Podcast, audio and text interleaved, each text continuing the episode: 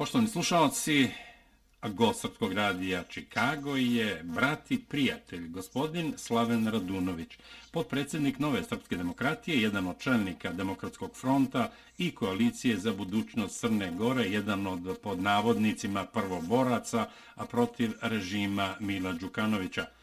Bog sve dobro dao i Slavene, dobrodošli na talase Srpskog radija Čikago hvala vam puno i evo srećan sam što se prvi put uključujem iz Slobodne Crne Gore i što mogu da zahvalim i vama i, i svim vašim slušalcima što su bili sa nama toliko godina i što ste nam a, bili uvijek od pomoći i osjećali smo bratsku podršku iz Sjedinjenih država, stalo posebno iz Čikaga naravno. I a, onog, one večeri kad smo konačno posle 30 godina uspjeli da ostvarimo san mnogih generacija da se oslobodimo e, e, to su ostaci komunističkih komunističkog režima u Crnoj Gori e, vjerujte mi evo ja prvi ja i moj kolega Andrija Mandić pominjali smo baš vas i i tu želju naših ljudi koji su davno pošli odavde baš zbog komunizma koji su se sigurno radovali sa nama. Da, evo ja sam hteo i zvanično da vam čestitam na pobedi na parlamentarnim izborima koji su održani u nedelju u Crnoj Gori nad režimom Mila Đukanovića. Pobedi nad zlokobnim mafijaškim sistemom i hobotnicom, korupcijom, kriminalom i anticrkvenim i antisrpskim stavovima ili, rekao bih, čitavoj platformi, ali i nad anticrnogorskom politikom, jer to se sigurno može reći da Milo Đukanović nije patriota Crne Gore i da kažem da smo zajedno, evo gotovo 25 godina i da je Srpski radio Čikago jedan od redkih, ako ne jedini medij više od dve i po decenije bio uz opoziciju u Crnoj Gori i naravno nije bio protiv Mila Đukanovića kao persone, ali protiv onoga što je on činio, a ja bih to nazvao i vele izdajom svega onog što je pre svega ljudsko, patriotski i u Crnoj Gori i u Srbiji, ali evo rekao bih i delimično u regionu. Pa tako je, posebno je poznata činjenica da je Milo Đukanović iz, ne znam koliko je to vašim slušalcima poznato, ali iz Katunske nahije sa Čeva, to je jedno bitno mjesto iz crnogorske istorije o kojem su pjevali mnogi srpski guslari svih krajeva gdje žive Srbi i nekako je zaista nedostojno takvog čovjeka da je došao, mislim čovjeka sa takvim pedigreom, da je došao u situaciju da bude jedan veleizdajnik. Uh, s tim što ja bih dodao o vašem nabrajanju uh, epiteta vezano za Mila Đukanovića za njegovu vladavinu, da je to jedno jedan anticivilizacijski režim u Tako smislu uh, on, on jednostavno nije poštovo osnovna pravila ljudskog roda. On je uh, uh, mijenjao uh, u svojem, svojim podanicima uh, posredstvom mas medija i uh, školskih učbenika uh, decenijama uh, mijenjao im je uh, genetski kod. On je probao, prvo je uh, iz jedne, ajde kažem, polusrpske opcije, one kako su to komunisti gledali, prešao uh, uh, u ajde ono kako vole da kažu Hrvati srbočetnike, pa onda odatle u neke crnogorce koji nisu Srbi, ne oni crnogorci koji su u, u, u srpskom uh, biću, u, srpskom, uh, u srpskoj istoriji uh, zapisani kao olim srpstva, nego u anti-Srbe, da bi u zadnjoj fazi, u ovoj terminalnoj fazi, postao on manje, ali njegovi podanici koji su pokušali da čitaju njegovu politiku i njegove poruke postali su Hrvati. I to ne bilo koji Hrvati, ne neki vedni slavonac ili raspjevani dalmatinac, nego Ustaše. Doživjeli smo na kraju da na Cetinju a, nekoliko dana nakon naše pobjede na izborima, na nekakvim kontramitinzima, na nekakvom bijednom pokušaju Đukanovićevog režima da pokaže zube novoj vlasti, slušali smo pjesme Thompsona, počinje sa ustaškim pozdravom, to je jedan poznati hrvatski narodni pjevač. Odnosno profašistički. Profašistički, tako je. E, Hrvatska se sprda s činjenicom da su doživjeli da na Cetinju, da na, u bastionu srpstva se čuju ustaške pjesme i da, i da ih pjeviju baš omladina Crnogorska. To je onaj jedan zaluđeni dio omladine i građana koji je uvijek postojao u Crnoj Gori koji e, tako se vezivao za bilo kojeg vladara, tako su bili vezani za Tita, tako su bili vezani za Staljina, tako su bili vezani za kralja Nikolu, e, jednostavno izgube razum i ponašaju se kao u lutkarskom pozorištu, lutke s kojima neko upravlja. Tako ovog momenta, vjerovali li ne, poštovani e, slušalci Srpskog radija Čikaga, u Crnoj Gori imamo i Ustaše na Cetinju.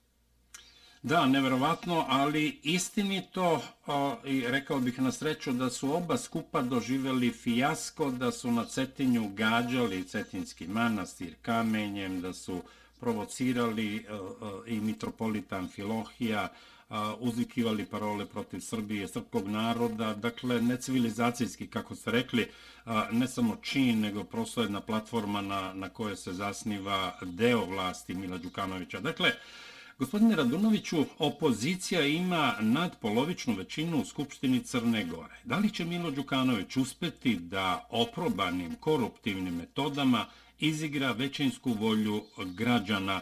A državna izborna komisija čini mi se treba da saopšti konačne rezultate 14. septembra. Nakon toga šta sledi?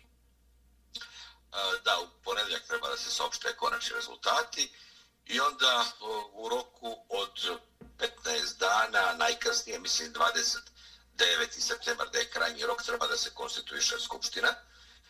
I nakon toga, u roku od 30 dana, skupštinska većina treba da predsjedniku Crne Gore, to će da nam bude vrlo neprijatno, neprijatan potez, ali, ali takav je ustav i zakon, to moramo da uradimo. Znači, Milu Đukanoviću ćemo da podesemo ovaj spisak 41 poslanika koji će da podrži našeg mandatara i on bi onda trebao da uh, zvanično predloži tog mandatara i da se vlada bira u parlamentu. Uh, samo bih veza, ako mogu samo jedan trenutak Kako da se vratim na ova, dva, na ova dva skupa koja ste pomenuli, uh, prava slika uh, vlasti Mila Đukanovića je praktično prikazana kroz ova dva skupa. Prvi skup koji ste vi pominjali na Cetinju je između ostalog obilježilo i pojavljivanje a, sive eminencije mafijačke a, u Crnoj Gori. Ja kažem sive jer je zvanični, a, zvanično šef mafije Milo Đukanović. Ali siva eminencija Brano Mićunović, ne znam koliko ljudi koji ovo da, slušaju. Da, ja znam o čoveku To je šef mafije godinama i čovjek koji je između ostalog poznat u Crnoj Gori po činjenici da je na, na ulazu u, u bolnicu u Podgorici, klinički centar, a, ubio čovjeka na nosilima koji je bio ranjen i koji su hitna pomoć dovezla u bolnicu, on ga je ubio i nije odgovarao jer niko nije smio da svjedoči protiv njega. Samo da bi vam rekao kako se tipu radi i oni se, on se pojavio da brani Crnu Goru od, od, od ove većinske Crne Gore koja je pobjedila. To je jedan, da kažem, dokaz otprilike o kome se radi, o kakvom režimu i o kakvim pokretima, a drugi vezan za a, nastup u Podgorici, a, Demokratska partija socijalista nije i Milo Đukanović nisu čak imali ni toliko hrabrosti, bojići se da neće da uspije skup, da zvanično budu organizatori skupa i da ga prijave policiji, nego su nakon nekoliko dana što su ga reklamirali na svom zvaničnom sajtu, povukli tu reklamu i rekli da to u stvari organizuje neka patriotska organizacija, koja se nikad nije uh, imenovala, nikad nismo saznali koje, ona uopšte nije policiji prijavila skup. Uh, policija je uh, servisirala te ljude kad su dolazili, nije uopšte isključivala i saobraćaja vozila bez tablice, pijane vozače, ništa od svega toga, iako samo deset dana prije toga, kad smo mi imali neki skup u Podgorici, blokirana je Podgorica i to na dalekim prilazima gradu, recimo iz Nikšića, tunel Budoš je zatvoren da ne bi mogli Nikšića ni da dolaze i tako dalje, a u ovom slučaju ništa od svega toga. I na kraju je policija koja je još uvijek, znači pod štafetom, pod, pod palicom dirigenskom Mila Đukanovića, a, pro, a, za jedan skup koji je održan na, na trgu koji ne može da primi preko 10.000 ljudi, dala zvanično obaveštenje da je bilo 50.000 ljudi. Samo, eto, jedan, jedan kroki da, da vaši slušalci čuju od prilike sa kim mi radimo i sa kim se mi borimo i to sve nakon velike ozbiljne pobjede koja je postignuta u potpuno neregularnim, neregularnim, neregularnim i, i, i, i, i, i neravnopravnim uslovima. Da, niste mi odgovorili na pitanje da li će Milo Đukanović uspeti da oprobanim koruptivnim A, metodama izigra većinsku volju građana. Izvinjavam se, bio je moj odgovor malo duži pa se zaboravio. Izvolite. Uh, ovaj ne, mislim da je to potpuno nemoguće. Dešavalo se to do sad na nekim uh, uh, lokalnim izborima gdje ipak vi znate kako je na lokalnim izborima uh, odbornici su amateri, političari i tu se dešavalo da se provuče eto po neko rešenje koje se pokazalo kasnije kao nesrećno i koje je Đukanović uspio da a, ovaj prebaci na svoju stranu. Ovdje je ozbiljan rat politički bio i svi poslanici i poslanički kandidati na ove triglice su potpuno provereni ljudi koji su eh, ne postoji novac koji može da, koji može da se plati eh, prevara. Između ostalog pominjala se cifra ovih dana da je eh, Dritanu Abazoviću nuđen 8 miliona evra, to je skoro pa mogu da kažem pouzdana informacija, da ne kažem potpuno pouzdana, i naravno je to odbio i čak i prijetnje albanske mafije i pozive iz Albanije i sa Kosova ovaj, političara, e, ako je on pružio takav otpor, redi da i mi svi ostali pružimo ozbiljan otpor i mislim da tu neće biti nikakvih problema po, po ovom pitanju. Mislim da Đukanović polako i diže ruke, vidi da on, da on tu neće moći mnogo da napravi i već je izgovorio skoro rečenicu koju nismo mogli da vjerujemo da, smo, da čujemo, a to je da će oni biti kvalitetna opozicija u Crnoj Gori. Da, kao što ste rekli, gospodine Radunović, u Skupštinoj vlade Crne Gore biće formirane do kraja septembra.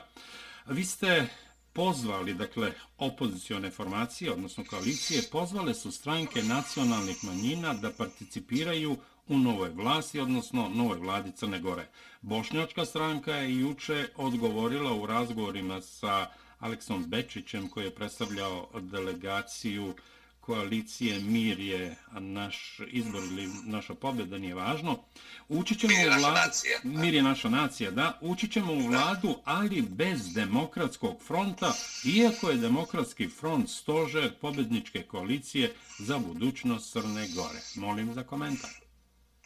Da, to je, ne radi se tu samo o bošičkoj stranci, svi, uključujući i demokratsku partiju socijalista su najviše zabrinuti, pričamo bivšim članovima bivše koalicije, zabrinuti su fenomenalnim rezultatom demokratskog fronta sa koalicijnim partnerima. Znači, mi smo u, a, a, u koaliciji za budućnost Crne Gore, koja je okupljena kod demokratskog fronta, osvojili skoro 33% ovaj, glasova ukupno, što je, uh, što se tiče ove vladajuće većine, u, u toj vladajućoj većini mi imamo skoro dvije trećine.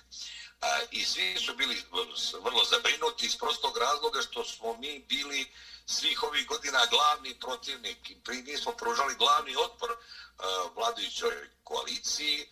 A, to je dotle išlo, to su vaši slušalci dobro a, upoznati, da su nas kao vrijeme najgore vrijeme Hitlerove vladavine ili posle Stalinove sudili, hapsili, hapsili nam, e, uh, meni su hapsili sina i sude mu i dan danas Milanu Kneževiću su hapsili majku. Mislim, dotle to išlo da je, da je to bio jedan pravi rat sa nama, s ništo smo se mi borili bez oružja, nego kao političari. Između ostalog, naš čitavi poslanički klub je uhapšen u onoj večeri kad je, kad je izglasan ovaj čuveni zakon protiv naše crkve. E, tako da e, smo mi ti od kojih se oni boje e, da ćemo da povučemo, što bi se reklo, e, najveći teret u raskrikavanju svega onoga e, što treba da se raskrinka, a i što, su, što je prethodna vlast radila, kao i da ćemo da a,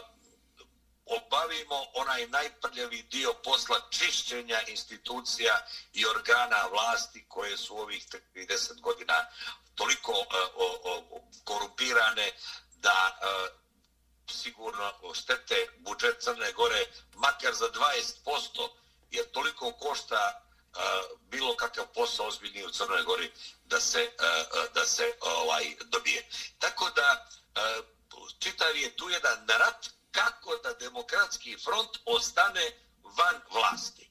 iako demokratski front, kažem, je stožer ove vladajuće koalicije. Tako je. A Slavine, molim vas da, da nam kažete nešto o veoma aktuelnoj temi. Formiranje nove ekspertske vlade Crne Gore. To je uslov koalicije Crno na bijelo Dritana Bazovića da pristane na formiranje opozicione vlasti u Crnoj Gori. Da li je moguća vlada bez političara? Zar među političarima, bit će ovo nekoliko potpitanja, zar među političarima nema eksperata? Ko će procenjivati stručnost pod navodnicima eksperata imajući u vidu iskustva Srbije koja je imala takozvane eksperte u vladi za koje se uspostavilo da su eksperti za manipulacije, korupciju i bogaćenje preko noći. Izvolite. Pa to je jedno vrlo komplikovano, pitanje nije komplikovan, ali odgovor komplikovan iz razloga. Prvo je URA e, kao jedna e, suverenistička procrnogorska stranka, kad kaže procrnogorska, sve su stranke u Crnoj Gori procrnogorske misleći da žele dobro Crnoj Gori, ali procrnogorska u smislu e, onoga što su e, neke e, nove vrijednosti Crne Gore, kako se to da prikazati kroz simboliku zastave, himne i svega ostalog u Crnoj Gori i predstavlja ljude koji su glasali da na referendumu. Znači, pošto je to prva organizacija, veća politička, koja je smogla snage da zajedno sa ovom opozicijom koja je bila za ne na referendumu je sad pobjedila, zajedno pravi vlast, oni su morali da ponude nešto svojim svojim biračima što će da ih umiri u smislu da nećemo mi koji smo dominanta većina u, u toj koaliciji da a, previše skrenemo kurs Crne Gore koju oni vole i poštuju. I onda je Drita Nabazović predložio a, tu ekspertsku vladu koju je i naš a, nosila s liste podržao i svi smo mi formalno podržali, s tim što, naravno, mi očigledno nemamo svi isti pogled šta to znači ekspertska vlada. Mi, naravno, smatramo da, e, da, i, eksper, da, da i polit, prvo, po definiciji, eksperti za politiku se zovu političari, kao što su eksperti za medicinu ljekari. Tako? tako je. I ko bolje zna taj posao da radi od političara, posebno od političara koji su svoj život e, i, svoje, i život svojih porodica tome posvetili. Međutim, ovdje se radi naravno priča se o stručnosti najviše u domenu ekonomije i slično.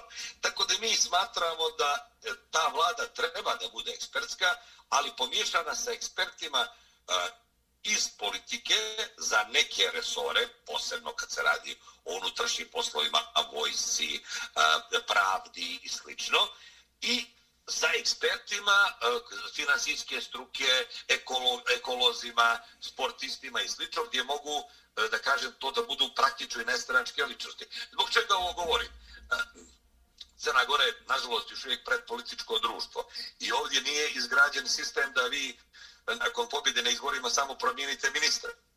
Ovdje se mora i po dubini mnogo toga uraditi u svakom resoru i e, samo velike političke organizacije imaju dovoljno kadrova da taj posao mogu da urade. Definitivno, jedan ekspert sa fakulteta, recimo za bezvjednost, koji bi došao da bude ministar policije, šta bi on mogao da radi ako bi mu kompletna policija, kompletna struktura bili DPS-ovci odani Milu Đukanoviću to je jednostavno nije realno. Tako da moramo da nađemo zajedno neko rešenje koje će da bude politički prihvatljivo za URU i za sve naše e, glasače koji kojima smo obećali ekspertsku vladu, ali i koja će u drugom, u drugom, u drugu ruku da e, ponudi održivo rešenje. Znači, mi jednostavno nije dovoljno da formiramo vladu, mi moramo da pokažemo rezultate. Da bi pokazali rezultate, moraju pravi ljudi da budu na, na čelu vlade i na, na čelu resora. Naravno, ono što je važno, to je da ministar oko sebe, recimo, u svom resoru okupi eksperte iz dotične oblasti. Naravno, to je, to je pravo rešenje. To bi otprilike bilo pravo rešenje. Bitno je da su savjetnici ljudi koji su potpuno posvećeni struci. A, a političar je eh, tu da usmjerava programski čitavi resor u pravcu koji dogovori vlada. Mislim, to je jasno i u, u ostalom, znate šta, mi smo svih u, u izbornim kampanjama, sve ove tri koalicije, tako smo i dogovorili, e, propagirali moratorium za sljedeće dvije godine na naše ideološke i uopšte programske razlike. znači, e, da, da ne bi doveli u, u, u problem e, prvo izborni rezultat, a posle i funkcionisanje vlade, jednostavno nećemo otvarati teme koje su, što je opšte poznato u Crnoj Gori, teme koje nas dijele. Tako je. To, tako su, je. to je pitanje članstva u NATO, priznanja Kosova kao Da, to će biti države. jedno od pitanja. Dakle, mora Da, se da, to su- mudro to su- odraditi. To su teme koje jednostavno ne možemo da stavljamo da, na sto u momentu kad treba da se izborimo sa ovom nemani koja je uliko godina Crnu Goru držala zarobljenom i svima je, to smo zaključili, prioritet svih prioriteta i preduslov ispunjenja naših programskih ciljeva svake koalicije pojedinačno je bilo uklanjanje režima Mila Đukanovića. Tako da smo bili dovoljno pametni svi da te teme ostavimo po strani, ostavit ćemo i po strani i u ovoj novoj vladi, prvoj vladi, nazvao bih je tranzicijonoj vladi, kojoj je zadatak da, a, pored, a, ajde da kažem, u političkom smislu obračuna sa kadrovima koji su 30 godina u, u, instalisani u, u državnim organima Crne Gore da služe mafiju, e, pored obračuna sa njima, takođe i da stvorimo uslove za prve slobodne izbore koji podrazumijevaju, podrazumijevaju i čišćenje biračkih spiskova i sređivanje e, i, e, i zakona izbornih, kako bismo se onda pošteno, fair, svi zajedno oprobali na izbornoj utakmici kroz dvije ili tri godine, konkurišući svojim, E, svojim programima, svojim ideologijama, pa ko što ponese i to je to će biti prvi slobodni izbori u, u Crnoj Gori. Tako je. A, gospodine Radunoviću, pobednici izbora, dakle ove tri koalicije, najavile su povlačenje zakona o slobodi veroispovesti ili vjeroispovesti i donošenje novog kao i usvajanje zakona o poreklu imovine i zakona o lustraciji. I tu naravno dolazi do zamena teza, posebno kada su u pitanju dva posljednja zakona. Zašto? Kažu oni koji, kako bi rekao naš narod, imaju putera na glavi i meda na rukama, Nova vlast neće biti osvetoljubiva, nego pod navodnicima kompromisna, verujući da će, oni dakle veruju, da će sve ono što su stekli pljačkom i malverzacijama biti zaboravljeno i da će priklanjanjem novoj vlasti sačuvati nelegalno stečenu imovinu i privilegije. Da li je to moguće? E, prvo, da nešto podvučemo, a to je ova vlast se neće obračunavati sa neistomišljenicima revolucionarnim metodama. Znači, mnogi od nas i članovi naših porodica, u mojem slučaju oba djeda, su glavom platili te, e, e, te razlike posle drugog svjetskog rata, jer su se revolucionari e, puškom sa njima ovaj, obra, obračunavali u, mir, u mirodovsko vrijeme. Toga je bilo po Crnoj Gori svih ovih godina i mi, mi mislimo da je konačno došlo vrijeme da ova Crna Gora zakorači u, uh, u, u, neke civilizacijske norme koje su već poznate u svijetu i uh, prihvaćene kao nešto sa čim se živi, a to je da se odgovara shodno zakonu. Znam ja naravno da će vrlo, če, vrlo teško biće situacija da će biti teško dokaziva a, a, razne krađe, razne, razna nepočinstva prethodne vlasti, ali to je žrtva koju moramo da podesemo. Jednostavno, morat ćemo da dokažemo za svakoga šta je uradio i da shodno zakonima reagujemo da im se oduzme imovina, da ljudi odgovaraju, idu u zatvor ili već uh, zavisi uh, od, od, od, od, od, problem, od problema kakav su napravili. Jeli? E sad, od uh, uh, neki će vjerovatno pokušati da se sakriju prelaskom na našu stranu, ali bit ćemo vrlo obazrivi kad je to u pitanju. Naravno, nećemo mi da gonimo nikakve e, činovnike, službenike, neko ko je radio svoj posao i bio zastrašivan kako bi eventualno nekome nešto pomogao. Ovdje se radi obračun sa, Mila, sa tajkunima Mila Đukanovića i mafijom u Crnoj Gori koja je zarobila državu. Znači imate ovdje jednostavno jednu mafijašku organizaciju koja kontroliše određene poslove u 100% iznosu. Između ostalog, nazvao bih je putna mafija, imate jednu firmu koja gradi sve pute u Crnoj Gori, izmišljaju se obaveze, ne znam, prema nekim kao gradovima i mjestima i neka izborna obećanja, samo da bi se da bi se ovaj ta firma angažovala ili e, ljudi koji kontrolišu naravno e, šverc droge i duvana i e, sa njima će biti obračun beskompromisan potpuno. Ali ne želimo apsolutno da napravimo Crnu Goru kakva je bila 48. godine, pa da svaki komšija koji se zamjerio drugi komšija može da ga prijavi nekoj stanici policije i da ovaj zbog toga ide u zatvor. To nećemo dozvoliti sigurno. Da, ono što ste rekli, evo kratko, još samo da ponovimo, nova vlast u Crnoj Gori poštovaće sve međudržavne obaveze i ugovore Crne Gore bez obzira na želje i emocije. Za sada priznanje, odnosno povlačenje priznanja takozvane države Kosovo neće uslediti od strane nove vlasti članstvo Crne Gore u NATO ostaje. Dakle, saopštili ste svi kao opozicioni lideri koji će formirati novu vlast. Dakle, cilj nove vlasti je pomirenje u Crnoj Gori, mir i ekonomski prosperitet. Dakle, šta su ciljevi na međunarodnom planu? Evo, čuli smo da pa ove pa, dve ste, krucijalne stvari ostaju. Vi ste, rekli, vi ste rekli da te stvari ostaju iz prostog razloga što uh, oni koji osjećaju takve emocije koje ste vi malo prije pomenuli, jednostavno nemaju sami dovoljno snage da nešto promijene.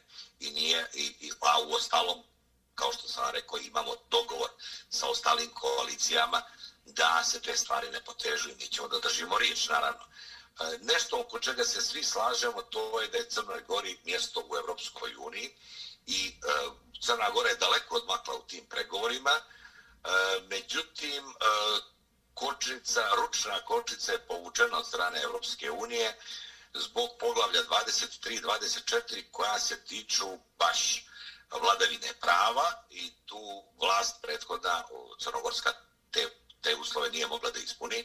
Mi smo ne zbog Evropske unije, nego zbog građana Crne Gore sigurni da će nova vlast uspjeti da ispuni i te zahtjeve i da ćemo vrlo brzo uh, biti primljeni u Evropsku uniju. Tačnije, mnogo brže nego da je ostao na vlasti Milo Đukanović. To je znači, jedan od prioriteta.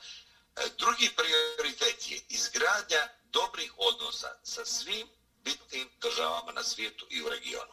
Jednostavno, jedna mala država nema mogućnost da a, nema realnu ni ekonomsku, ali ni vojnu, ni bilo kakvu mogućnost da se bavi politikom velikih sila to je glupost apsoluta i uh, mi ćemo gledati da budemo što je više moguće neutralni u, u, u ovim velikim igrama.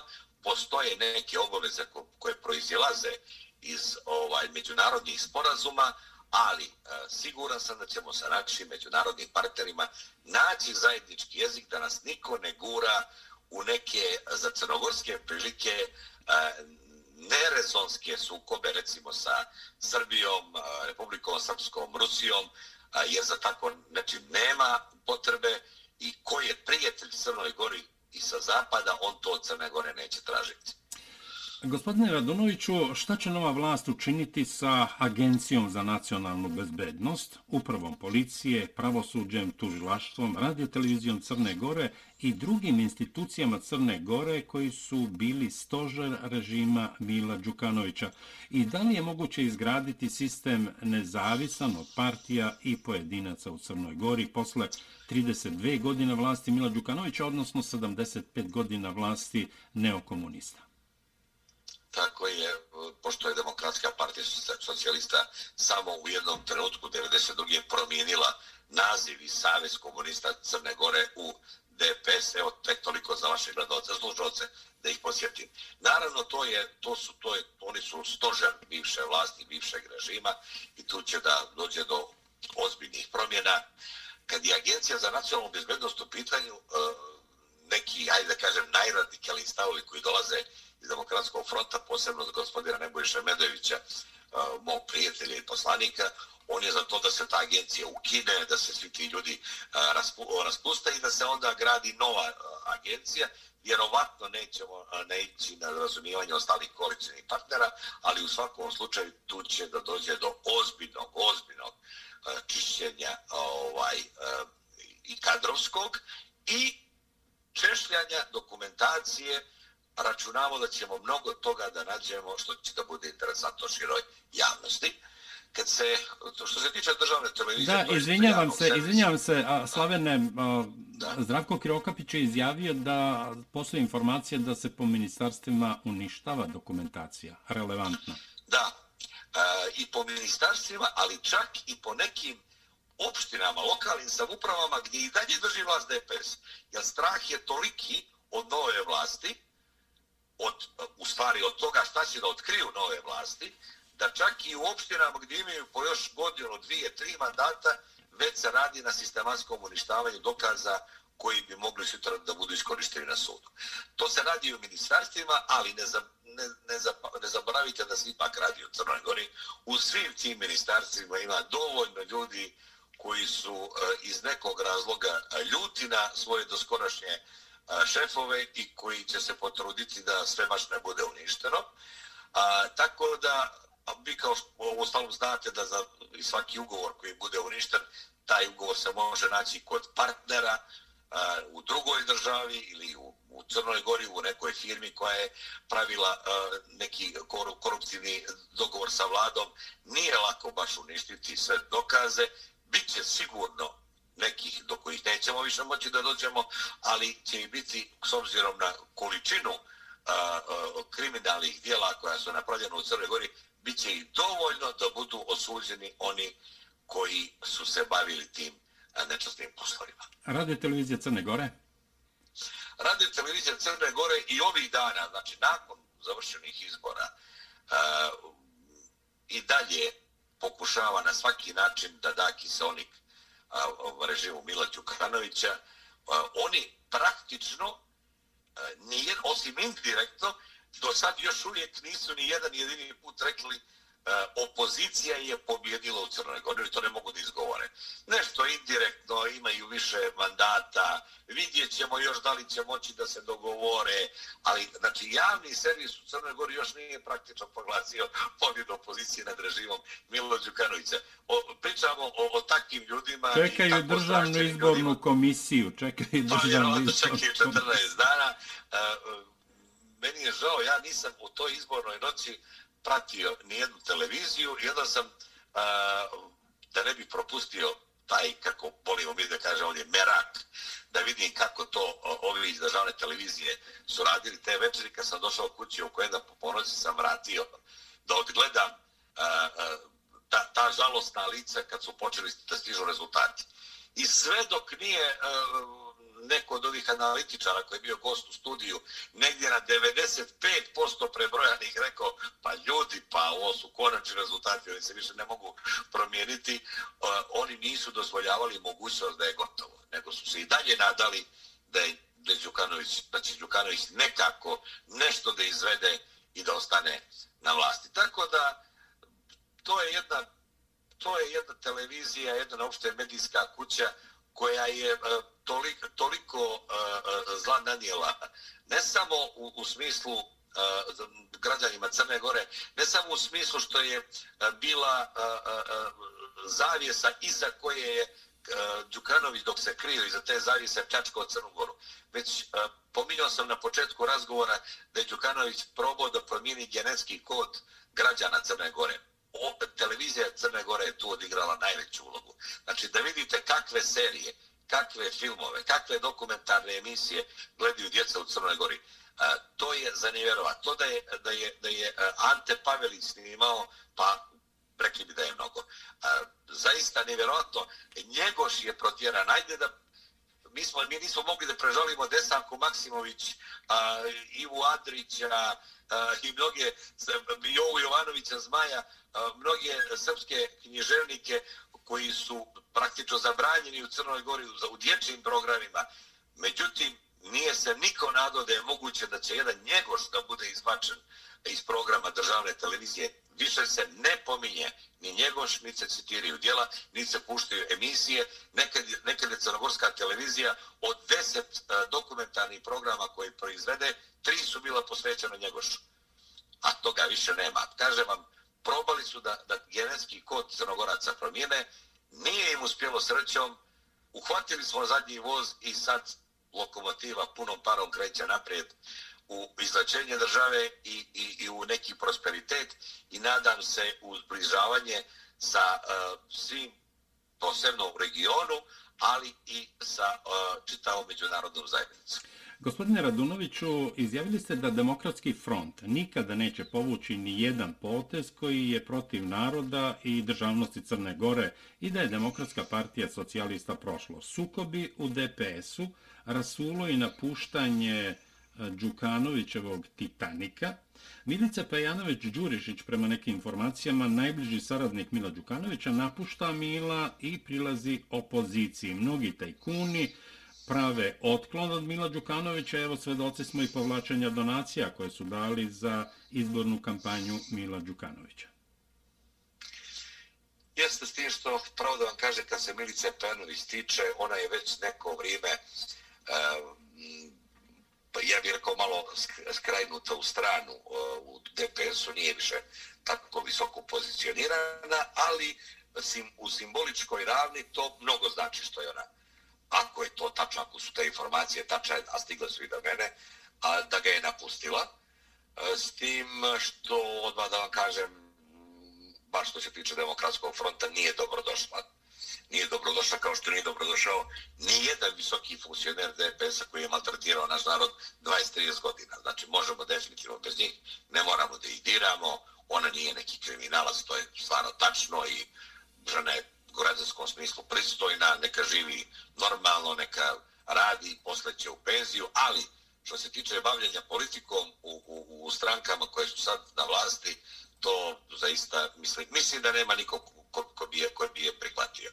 A, što se tiče građana, svi su dobrodošli, ja i mi širimo vrata a, glasačima Demokratske partije socijalista, posebno smo mi iz ovog srpskog bloka vrlo zainteresovani za te ljude, jer ih je puno, puno, puno, a, koji razmišljaju vrlo slično kao mi, ali su jednostavno po sistemu nužda zakon mijenja glasali demokratsku partiju socijalista, mnogi da bi obezbijedili samo elementarne stvari da prehrane porodicu. I uh, oni su naravno svi dobrodošli i uh, neće ih niko prozivati zbog, zbog, zbog toga što su za neka, nekog drugog glasali. Uh, definitivno toliko asi dostigli sa demokratiju u Crnoj Gori da se niko neće obazirati na te stvari. Svi oni koji, kažem, nemiju putana na glavi i, i, i koji nemaju kriminalni dosije iza sebe. Milica Penović je više, kao što rekao, simbol i glasnik šta će da se dešava u budućem vremenu, a ovo što se tiče tajkuna, to je već nešto što se vidjelo u svim državama Evrops, za istočne Evrope nakon pada komunističkih režima ili diktatura. Ljudi bliski vlasti koji su najbogatiji ili najznačajniji, oni mijenjaju stranu oni minjaju stranu, toga će biti i ovdje. E sad, gledat ćemo da ne oprostimo onima koji su došli na nelegalan način do novca, a oni koji su došli na legalan način do novca, neka im je srećan. Mi želimo državu bogatih ljudi, a ne siromašnih ljudi, prema tome nemamo ništa protiv toga da, da, da neko ko je bogat a, može da funkcioniše u Crnoj Gori, jer je Bog dao da smo svi bogati. Da, gospodine Radunović, evo pri kraju smo našeg razgovora. Volio bih da ovako javno promišljate o, o sljedećoj temi. Spinovanje i zamena teza u Podgorici, ali i u Beogradu. Da se Srbija umešala u izbore u Crnoj Gori. A, konstantne optužbe da se Srbija meša unutrašnje stvari Crne Gore i da je ona opasnost po Crnu Goru, da hoće da prisajedini Crnu Goru Srbiji. A sa druge strane, Crna Gora se ne samo meša unutrašnje stvari Srbije, nego i najdirektnije radi protiv Srbije. Priznavanje secesije takozvane države Kosovo od Srbije, glasanje za prijem Kosova, takozvane države Kosovo, UNESCO, Interpol, sporazum o razgraničenju takozvanog Kosova i Crne Gore. Kada su u pitanju ova spinovanja u prvom delu moga pitanja, tu prednjače Vuk Drašković, politička olupina, Nenad Čanak, Čeda Jovanović i mnogi koji žive u Beogradu, u Beogradu su pod navodnicima ili neutralni Srbi, a kad dođu u Crnu Goru, onda su Montenegrini, uključujući pevače, evo pevačica neka koja ima jedan i po hit, a neka Jadranka Barjaktarević, koja živi u Beogradu i pevala je na ovom skupu mi smo jači od Srbije i tako dalje i tako dalje. Ti dupli aršini ili rekao bih pokvareni ljudi su na sceni, posebno u Srbiji. To je jednostavno neki fetiš, rekao bih, ove crno, do, do skorašnje crnogorske vlasti, da se za sve optužuje Srbije. Uh, rekao sam u okviru te promjene genetskog koda koji pokušao Đukanović u Crnoj Gori da sprovede, naravno trebalo od Srbije napraviti neprijatelja. Tako da je na ovim izborima uh, uh, Đukanović stalo prozivao Srbiju, a evo ja sam svjedok da ni predsjednik Srbije, ni bilo ko zvaničnika Srbije nijednom jedinom izjavom se nije umješao u izborni proces, dok je s druge strane a, najviši zvaničnik Albanije, Edi Rama, javno pozvao Albance u Crnoj Gori da glasaju za Mila Đukanovića i onda na srpskom jeziku uputio poruku Milo pobjedi za sve nas. A to je najdirektnije miješanje jednog državnika u unutrašnja pitanja druge države najeksplicitnije moguće, koje DPS nije pominjao, a Srbija je bila stalno optuživana. Međutim, ja sam za to da stavimo tačku na tu priču. Jer takva Crna Gora, koja uvodi sankcije Rusiji, koja je Srbije najveći neprijatelj, koja priznaje Kosovo, takva Crna Gora je prošlost. Dolazi nova Crna Gora, Crna Gora u kojoj su slobodni ljudi izvojevali pobjedu, u kojoj će demokratija da vlada i u kojoj će volja većine da se poštuje. Volja većine u Crnoj Gori će uvijek biti da sa Srbijom bude u naj, najboljim mogućim odnosima. To budite sigurni, posebno kažem vam kad se taj duh iz boce uh, pusti kad je DPS-ova glasačka mašinerija u pitanju, ja sam siguran da će makar pola da ih priđe demokratskom frontu ili preciznije novoj srpskoj demokratiji koja je e, stranka srpskog naroda u Crnoj Gori i da se više nikad neće dozvoliti antisrpska politika u Crnoj Gori, a da ne kažem ova koja je sad na sceni zadnjih dana ustaška. To sigurno nećemo više nikad dozvoliti. Ne zato što ćemo mi da budemo neke sileđije koje će po Crnoj Gori da hapse ljude koji drugačije misle, već zato što će prirodna Crna Gora, slobodna Crna Gora, da a, dođe do izražaja konačno, a onda će stvari da se vrate u normalu kakve su bile stotinama godina. Slavene i za kraj, predsjednik Crne Gore Milo Đukanović, kohabitacija, dakle saradnja sa novim vlastima, ili procesuiranje zbog kriminala, korupcije i antiustavnog delovanja, svedoci smo iz najviših vrhova u Vašingtonu iz okruženja Donalda Trumpa, da je Milo Đukanović na neki način pušten iz vodu, međutim neki u inostranstvu upozoravaju da je Milo Đukanović i dalje opasan sve dok kontroliše policiju. Kohabitacija ili procesuiranje? A, tako je s tim što Milo Đukanović, e, s obzirom na, na to kakav je crnogorski ustav, ima vrlo slabe ingerencije. On je e, bio moćan kao predsjednik Crne Gore samo dok je njegova partija bila vladajuća. Sad, nakon što mi preuzmemo vladu, a time i policiju i sve druge institucije, siguran sam da ćemo uspjeti da ga izolujemo, da nema moć veću nego mu što mu daje ustav. A što se tiče njegovog procesuiranja za koji sigurno ima osnova koliko god hoćete, On je trenutno zaštićen naravno e, e, imunitetom kao predsjednik Crne Gore, ima mandat još dvije i po skoro tri godine. Međutim, postoji, postoje mogućnosti i za njegovu smjenu ukoliko uspijemo da dokažemo da je povrijedio Ustav Crne Gore, a, i ako tako odluči Ustavni sud, onda mu se u parlamentu može izglasati nepovjerenje i nakon toga on naravno može da bude i procesuiran. Ništa nećemo raditi na silu, vidjet ćemo s kakvim dokazima sad za sad raspolažemo, ali svakako će, kako dani budu prolazili, biti sve više i više dokaza, što naši ljudi budu više po dubini radili po institucijama Crnogorsim, gdje se ti dokaze i nalaze. Slavene, da li očekujete obstruisanje a, formiranja nove vlasti od strane Mila Đukanovića, on daje a, mandat za formiranje vlade? Ne, mislim, to, je, to bi već bilo vrlo ponižavajuće, e, toliko, a, a bespredmetno je, jer ako to ne bi uradio e, i po našem ustavu prvi 30, posle 30 dana, ukoliko prvi mandatar kojem onda mandat ne može da sastavi vladu, onda daje drugom koji ima 60 dana pravo, makar taj drugi mora biti naš, jer mi smo druga po pojačini uh, stranka, pošto je DPS samostalno najjači, ali s obzirom da smo mi već dogovorili koaliciju i da ćemo mi da predamo uh, spisak 41 poslanika, što znači apsolutne većine u parlamentu, bilo bi najblaže rečeno smiješno da on daje mandat nekome ko jednostavno ne može da ima 41 mandat. To je bilo gubljenje vremena. Bilo bi jedna bruka za njega kao političara, a on voli ipak da izigrava, kako bih rekao, mačo mena i, i, da, i da bude da je neko ko drži do sebe. I mislim da neće zbog toga ovaj, obstorisati vlast. Kažem posebno što to može samo 30 dana da radi, tako da ne bi tu nešto mnogo uspio. Gospodine Radunoviću, brate Slavene, evo i za kraj poruka za srpski narod, srpske prijatelje i naravno sve dobronamerne ljude poreklom iz Crne Gore bez obzira na, na veru, naciju, ime i prezime u Čikagu i okolini i Sjedinjenim američkim državama.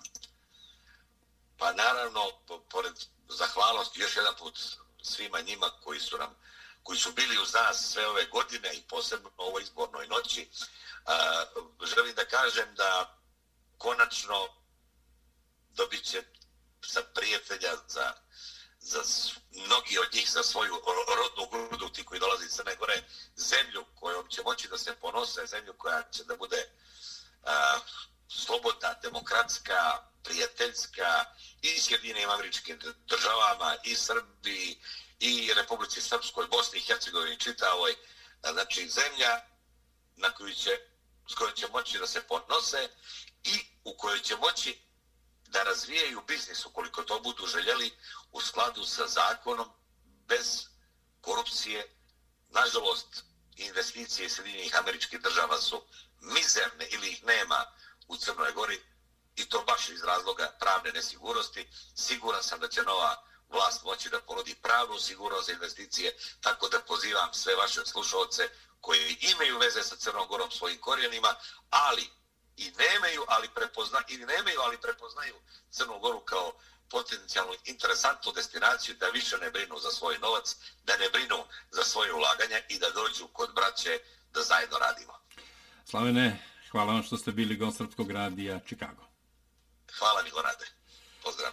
Poštovani slušalci, gost Srpskog radija Čikago bio je Slaven Radunović, podpredsednik Nove Srpske demokratije, jedan od čelnika Demokratskog fronta i koalicije za budućnost Crne Gore, pobedničke koalicije na izborima u Crnoj Gori.